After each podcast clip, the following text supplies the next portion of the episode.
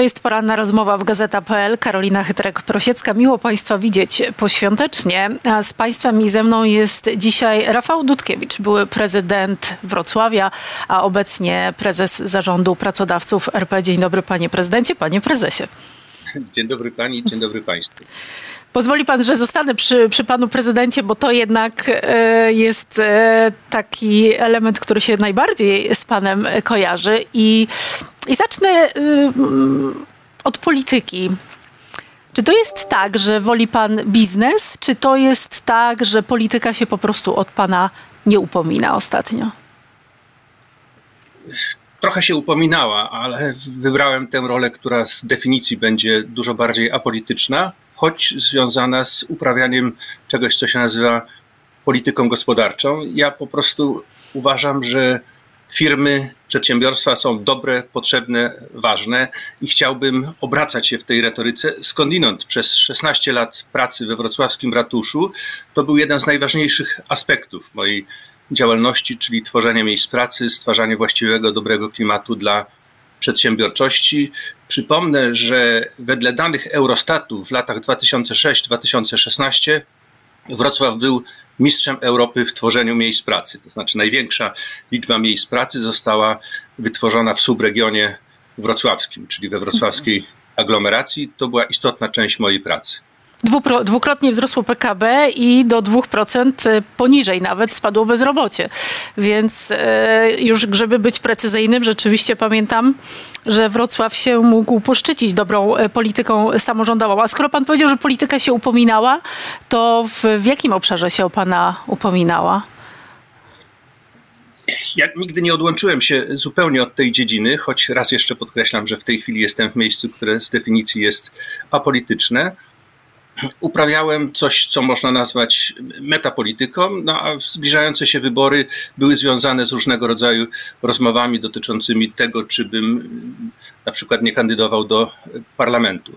Ale w momencie, kiedy pojawiła się oferta pracodawców RP, uznałem, że to jest znakomite miejsce, że to jest fantastyczne wyzwanie, że tworzenie dobrego klimatu dla przedsiębiorczości w Polsce jest z punktu widzenia możliwości rozwojowych Polski no, absolutnie rzeczą na którą powinienem się, powinienem się zdecydować. A do Senatu czy do y, Sejmu?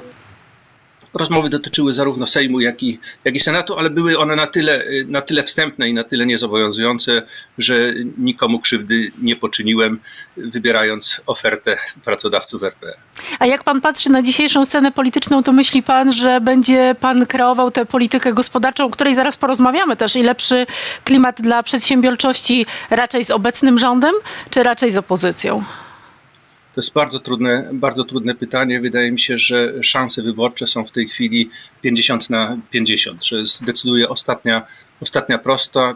Często w Polsce bywa tak, że różnego rodzaju nagłe zdarzenia mają wpływ na ostateczny, na ostateczny wynik wyborczy. Ja chciałbym bardzo mocno podkreślać to, aby nie tylko w kampanii wyborczej, ale w przyszłych działaniach polityków i polityki polskiej przedsiębiorczość odgrywała ogromną rolę, ponieważ cała sfera publiczna, wszyscy my, państwo, funkcjonuje z podatków wytwarzanych przez przedsiębiorców. No i dzisiaj, jak pan słucha polityków, e, panie prezydencie, panie prezesie, to widzi pan te wizje e, polepszenia przedsiębiorczości, bardzo niski poziom inwestycji.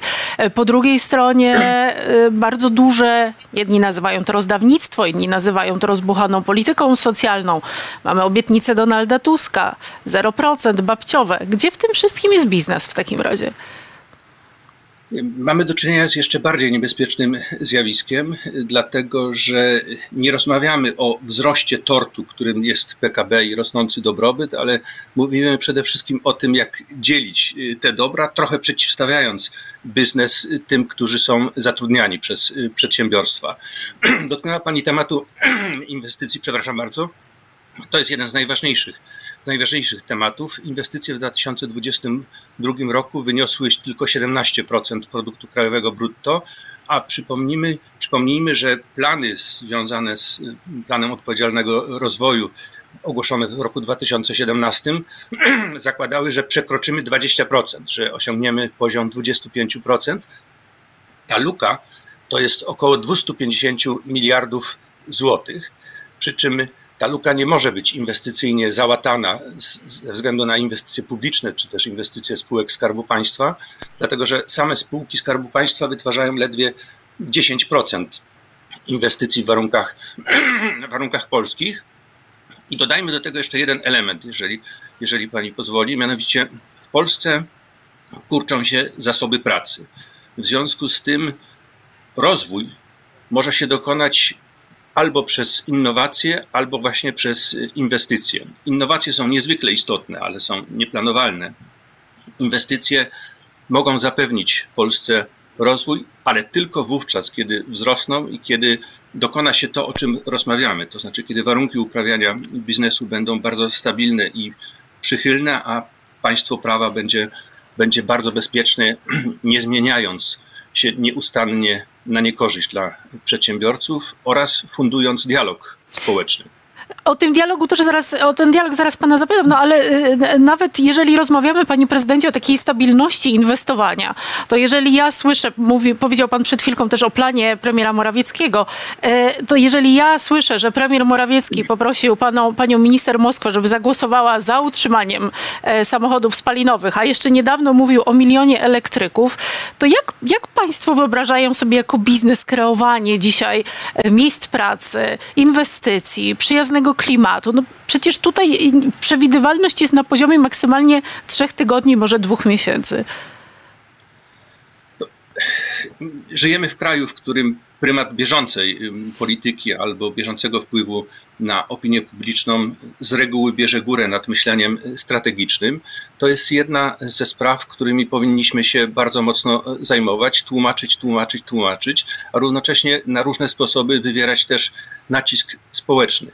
Raz jeszcze trzeba podkreślić, że przedsiębiorczość jest istotą funkcjonowania każdego państwa, państwa polskiego w szczególności. My musimy zrozumieć, że pieniądz nie jest dobrem produkowanym w bankach, tylko jest wytwarzany poprzez działalność gospodarczą na dwa sposoby. Z jednej strony poprzez płacenie pensji pracownikom, z drugiej strony poprzez generowanie różnego rodzaju, różnego rodzaju podatków. No nie do końca, bo jeżeli popatrzymy na te wszystkie tarcze, które dzisiaj są proponowane e, i zabiegi e, poprzez BGK czy też PFR, no to jednak jak widać ta, ta, ten interwencjonizm państwowy jednak bardzo się sprawdza. Ale ten interwencjonizm dokonuje się poprzez korzystanie z pieniędzy publicznych bądź generowanie długu publicznego jeszcze raz, pieniądz jest wytwarzany w gospodarce. Gospodarka wytwarza, wytwarza pieniądz, zarówno w sensie bieżącym, jak i ten, który jest potrzebny do ewentualnej spłaty długów. Nie ma innego źródła pieniędzy niż podatki, właśnie, bądź wydawane przez konsumentów zarobione w przedsiębiorstwach pieniądze. No dobrze, to je, gdyby pan miał dzisiaj do jednej i drugiej strony sceny politycznej, bo pan będzie, pan oczywiście mówi o tym, że jest pan apolityczny, no ale oczywiście nie da się ukryć, że przez 20 lat blisko był pan związany z Platformą Obywatelską, ale też 20 lat temu popieranym przez tworzący się wówczas popis, więc ma pan dosyć komfortową sytuację. I teraz gdyby pan miał zwrócić się do obu tych stron, jakie byłyby takie trzy priorytety dla polskiego biznesu, których by pan oczekiwał, żeby zostały zapowiedziane i zrealizowane w przypadku wygranych wyborów? Zacznijmy od tego, że rzeczywiście w 2002 roku, kiedy prezentowano moją kandydaturę, to po mojej lewej stronie stał świętej pamięci Maciej, Maciej Płażyński, po prawej stronie świętej pamięci Lech Kaczyński, tutaj we Wrocławiu. Popis jest już historią. Ta koalicja dawno, dawno temu rozpadła się, zanim zaczęła w ogóle funkcjonować. No, natomiast jeśli chodzi o Pani pytanie, to chciałbym powiedzieć biznes, inwestycje, praca. To są sprawy absolutnie najważniejsze. O tym musimy myśleć w wymiarze strategicznym, jak i w wymiarze, w wymiarze operacyjnym. Jest znane zawołanie gospodarka głupcze. Nie chciałbym tego, tego zawołania adresować do żadnej ze stron sceny politycznej, ale nie ze względu na słowo głupcze, tylko ze względu na, chciałbym adresować ze względu na słowo gospodarka. Słowa głupcze być może należy pominąć. A dzisiaj widzi pan ten dialog e, z przedsiębiorczością, bo ja nierzadko słyszę e, o różnego rodzaju takich e, nawet zabezpieczeniach w polskim biznesie, który boi się właśnie zatrzymań, pokazówek, różnego rodzaju takich zachowań, które wychodzą poza tę sferę rzeczywiście budowania gospodarki. Czy pana zdaniem obecna władza prowadzi w ogóle dialog z biznesem? Poziom tego dialogu, y, czy też brak, braku tego dialogu, braku odpowiednich konsultacji widać było w Polskim Ładzie, który okazał się katastrofą, zupełną katastrofą. Był wprowadzony w sposób no, uwłaczający czemuś, co moglibyśmy nazwać dialogiem y, społecznym. Owszem, y, funkcjonuje y, Rada Dialogu Społecznego, ale jej funkcjonowanie jest często bardzo wyrywkowe. Nie rozmawia się od ogółu do szczegółu, nie rozmawia się o strategii, a potem o konkretnych rozwiązaniach. Czasem na zasadzie też niespodziewanych wrzutek rozmawia się o no właśnie o bardzo rozproszonych, roz, rozproszonych konkretach. Oczywiście jest pewna, jest pewna, jakby to powiedzieć, jest pewne usprawiedliwienie, które było związane jakiś czas temu z dwoma wyjątkowymi sytuacjami, mianowicie z pandemią oraz z wojną w Ukrainie. Pandemia zmieniła już swój charakter. Wojna nieszczęśliwie wciąż, wciąż trwa, ale moim zdaniem te rozwiązania prawne, które trzeba było przyjąć, zostały już przyjęte, czyli ten stan wyższej konieczności, który w jakimś sensie być może zezwalał na okresowe osłabienie dialogu społecznego, ten stan wyższej konieczności już minął. Bez pogłębionego dialogu, bez poważnej rozmowy nie zbudujemy odpowiedniego klimatu dla przedsiębiorczości w Polsce. A tu premier zapowiada już kolejne zmiany w podatkach, czyli Nowy Ład 3.0. Zaczynają się już państwo bać i w gotowości stawiać księgowych? Z jednej strony deklaracja dotycząca uproszczenia systemu podatkowego jest deklaracją wartościową. Prostszy system podatkowy jest rzeczą, która sprzyja rozwojowi przedsiębiorczości, ale oczywiście jak zawsze, jak zawsze tajemnica tkwi w szczegółach. Musimy, musimy się dowiedzieć o co, o co chodzi. Mamy ogromną nadzieję, że rzecz nie będzie wprowadzana w taki sposób, jak został wprowadzony, no dzisiaj już powiedzielibyśmy przysłowiowy tu nakładam, nakładam cudzysłów, Polski Ład, który raz jeszcze, nie boję się tego powiedzieć, okazał się katastrofą. A widział się pan już z panem premierem albo jest planowane takie spotkanie?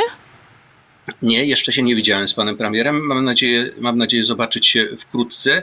Ja operacyjnie w Warszawie, bo stanę się niedługo warszawianinem czy też warszawiakiem, zacznę funkcjonować od początku, od początku maja i wtedy mam nadzieję odbyć kilka, kilka ważnych rozmów. Rozumiem, że z Donaldem Tuskiem też będzie się pan chciał spotkać i porozmawiać o. Będę tak, będę się, chciał, będę się chciał spotkać. Kilku polityków z kilku stron sceny politycznej już się do mnie odezwało, ale były to głównie gratulacje związane z objęciem, mhm. z objęciem tej funkcji, o której w tej chwili rozmawiamy. Jak pan spotka się z, z, z, Donaldem Tuskiem, to powiem mu pan, Donald, przestań z kredytami 0%, przestań z babciowym, inwestuj w pracę i w przedsiębiorczość, koniec rozdawnictwa.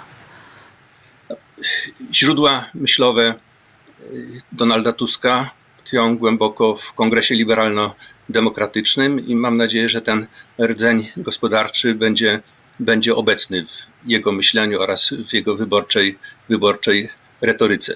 My się wszyscy bardzo długo, długo znamy. Wymienieni przez panią politycy to są moi znajomi jeszcze częstokroć z lat 80. Mam nadzieję, że swoją poprzez te znajomości, czyli poprzez także, jak mówimy czasami w naszym gronie, poprzez przyjacielskie stosunki z partyzantki antykomunistycznej. Mam nadzieję, że będę poprzez te znajomości w stanie dołożyć cegiełkę do dobrego myślenia o gospodarce. A ma pan dzisiaj takie poczucie, że, że obie te partie trochę odeszły od swojego DNA, czyli właśnie Platforma od tego liberalnego, a Prawo i Sprawiedliwość stało się zbyt socjalne? Prawo i Sprawiedliwość chyba zawsze było bardzo mocno po stronie po stronie nieco lewicującej w tychże kwestiach. Moja obawa dotyczy y, tego, że co wyraźnie możemy obserwować w poczynaniach y, rządzących, ponieważ oni dysponują odpowiednimi narzędziami, że dokonuje się gigantyczne rozdawnictwo i że polityka jest podporządkowana nie kwestiom rozwojowym, tylko możliwością sprawowania władzy w sposób, w sposób ciągły. Otóż naprawdę musimy myśleć, nasze myślenie musi się charakteryzować dużo bardziej strategicznym podejściem do, do rzeczywistości. Natomiast bez wątpienia jest też tak, że ta rzeczywistość, o której mamy myśleć strategicznie, zmienia się bardzo dynamicznie.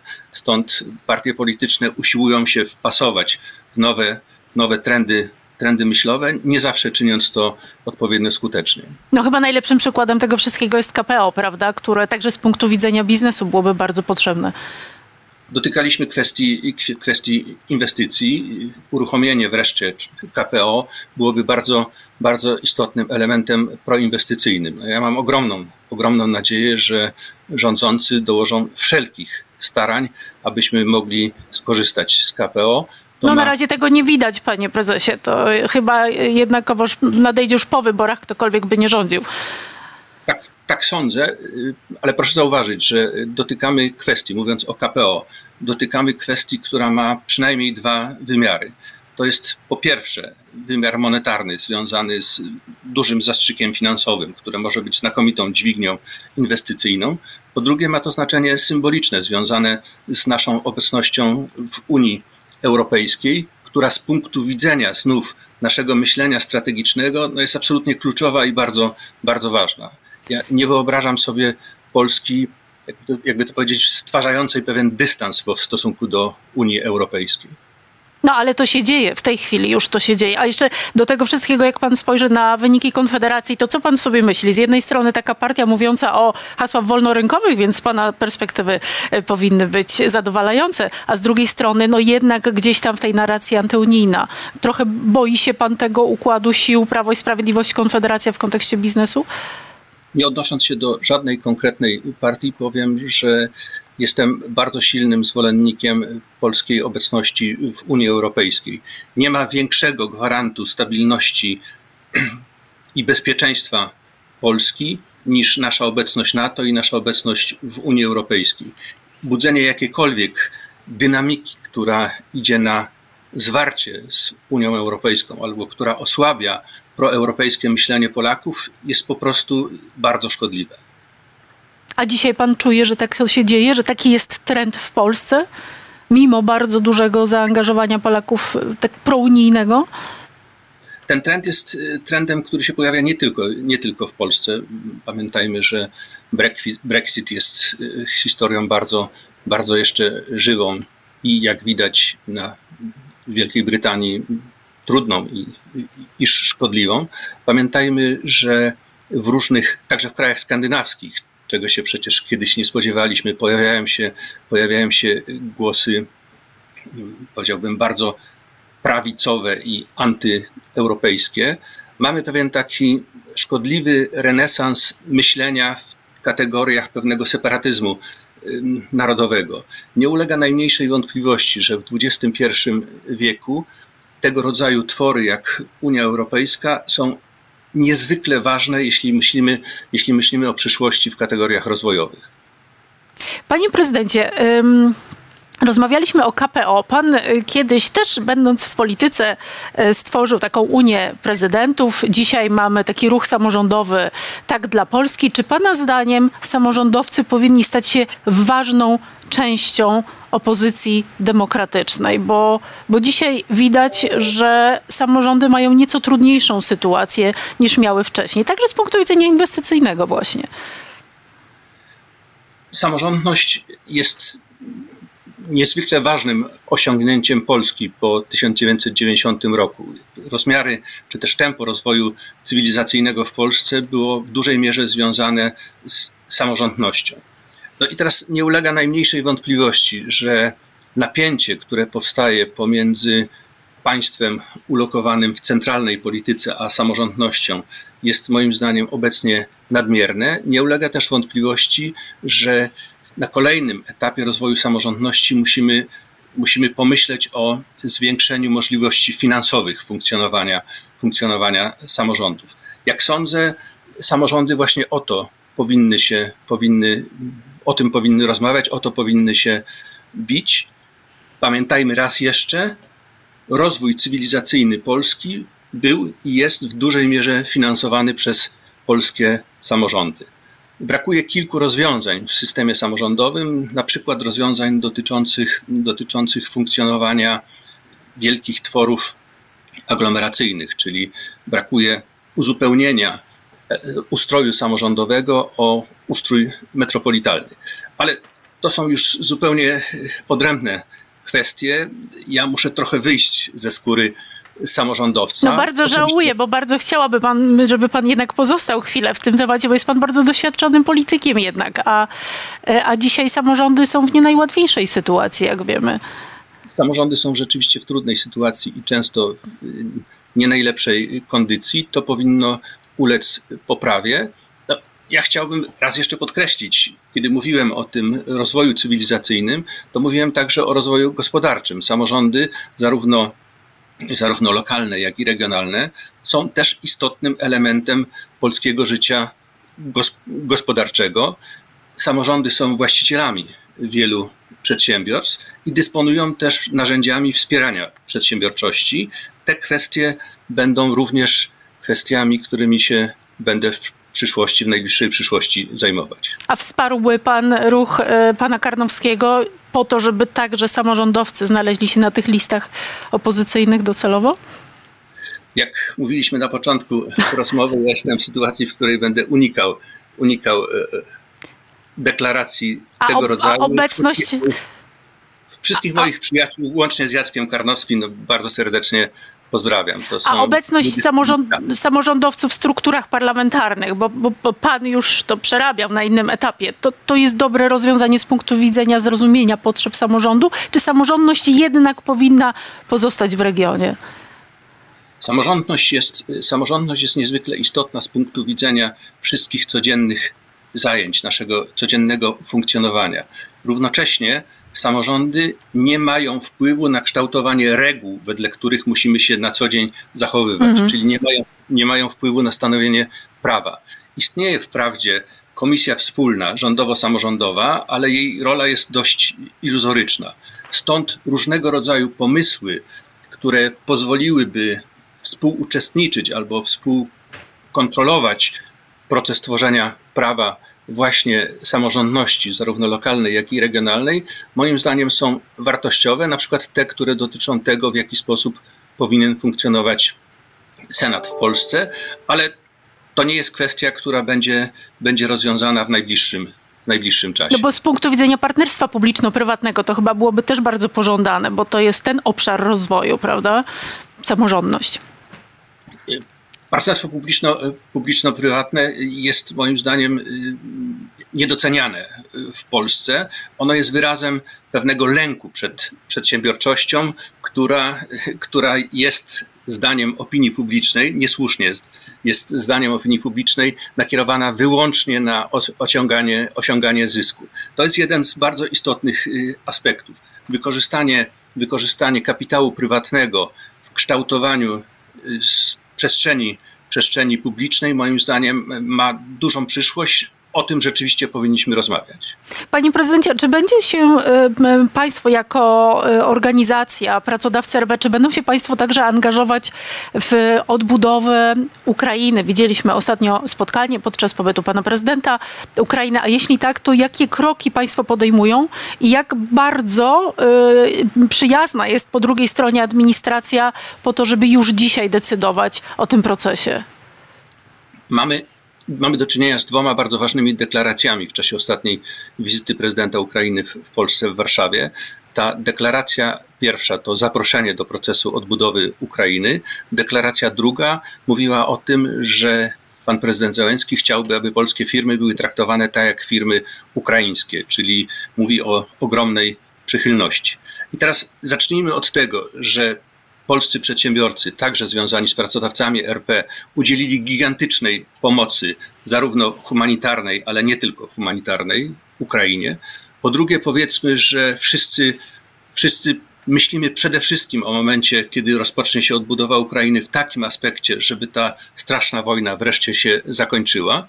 I po trzecie, powiedzmy tak, że rzeczywiście mamy do czynienia z ogromną, powiedziałbym, społeczną przychylnością dla Polski i dla polskich przedsiębiorstw. Sądzę, że powinniśmy w tej chwili bardzo mocno, i to jest zadanie głównie polityki krajowej, rozpocząć rozmowę na temat źródeł i sposobów finansowania procesu odbudowy Ukrainy.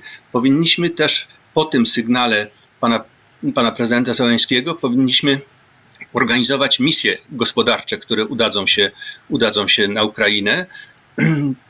Przypomnijmy, że tuż przed wizytą pana prezydenta Załęskiego taka misja gospodarcza kierowana przez wice, wicekanclerza Niemiec udała się do Kijowa. Mhm. Sądzę, że najwyższy czas na polskie misje, polskie instytucje rządowe powinny być tutaj sprawnym przewodnikiem. Trzeba rozpocząć też rozmowy z Bankiem Światowym, trzeba rozmawiać w Brukseli, żeby zidentyfikować źródła finansowania i żeby odpowiednio wcześnie przygotować się do procesu finansowania odbudowy Ukrainy. Tak bardzo mocno będziemy się chcieli w to włączyć. To jest oczywiście ogromna, ogromna szansa dla polskich firm. A dla jakich obszarów, dla których branż Pana zdaniem największa, jeśli chodzi o inwestowanie na Ukrainie?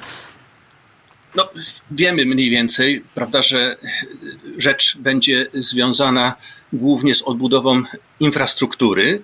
Zatem przemysł budowlany, który zajmie się odtwarzaniem infrastruktury kubaturowej, budynków, y, dróg y, lądowych, jak i, jak i torów kolejowych, ale wiemy też, że inwestycje będą związane z rozbudową sektora medycznego i że bardzo ważnym elementem będzie sektor edukacyjno, edukacyjno-oświatowy. Więc oczywiście budownictwo jest na samym, na samym początku, ale myślę, że ten, w ten proces będzie zaangażowanych bardzo, bardzo wiele sektorów. Ważne jest, aby kontakty i możliwości, jak powiedziałem, korzystania z finansowania, aby były już w tej chwili penetrowane, bądź żebyśmy się do tego przygotowywali. A MSZ już w tej chwili zaprosił Państwa do rozmów? Y, mają Państwo sygnały, że są już organizowane jakieś misje albo właśnie spotkania służące wypracowaniu tych y, misji, czy na razie tylko wizyta Pana prezydenta? Z tego co mi wiadomo, to y, uruchomiono, jak na razie uruchomiono jedynie rejestrację firm, firm które byłyby zainteresowane uczestniczeniem mhm. w, procesie, w procesie odbudowy Ukrainy. No, sądzę, że już jest teraz najwyższy czas, aby te kwestie już, jakby to powiedzieć, ustrukturyzować. I podkreślam misje gospodarcze, które nie muszą przynieść natychmiastowego efektu, są niezwykle istotne, dlatego że w czasie misji gospodarczych nawiązuje się odpowiednie stosunki, kontakty. To jest też kwestia jakby poznania dwóch kultur uprawiania, uprawiania, uprawiania interesu. Taka misja gospodarcza byłaby bardzo potrzebna, ale równocześnie myślenie o tym, jak, będę, jak będzie finansowany proces odbudowy Ukrainy. Kłania się Bank Światowy, kłania się znowu Bruksela. No, premier Morawiecki akurat y, jest teraz w Stanach Zjednoczonych, więc być może i w Banku Światowym, i w MFW będzie mógł o tym porozmawiać. Panie y, prezydencie, na koniec ostatnie pytanie. Jak pan patrzy dzisiaj na Wrocław i doniesienia medialne z Wrocławia, y, poparłby pan pana prezydenta Sutryka? Jak pan ocenia jego kadencję? To jest pytanie od widza. To jest pytanie od widza. Dobrze, to ja bardzo serdecznie widza pozdrawiam. Wrocławiowi życzę wszystkiego najlepszego. Trzymam kciuki za ostatni rok funkcjonowania pana prezydenta Sutryka w tej kadencji. Teraz myślenie jest skoncentrowane na jesiennych wyborach parlamentarnych, a moje myślenie jest skoncentrowane na życiu gospodarczym Polski i tym, aby Polska naprawdę się rozwijała, aby dobrobyt mógł w Polsce być jeszcze silniej fundowany przez polską przedsiębiorczość. A Wrocław się rozwinie pod dalszymi rządami pana prezydenta Sutryka? Mam taką ogromną nadzieję, że, że Wrocław był, jest i będzie wspaniałym i rosnącym miastem. Bardzo dyplomatycznie unika pan rozmowy o polityce, choć myślę, że ta polityka jednak pana nie ominie koniec końców, przynajmniej ta gospodarcza. Bardzo panu dziękuję za spotkanie, panie prezesie. E, Bardzo I mam dziękuję. nadzieję, że szerzej o gospodarce jeszcze też będziemy mogli wkrótce porozmawiać. Rafał Dudkiewicz, szef pracodawców RP, były prezydent Wrocławia, był Państwa i moim gościem, a ja życzę Państwu dobrego dnia. Do zobaczenia.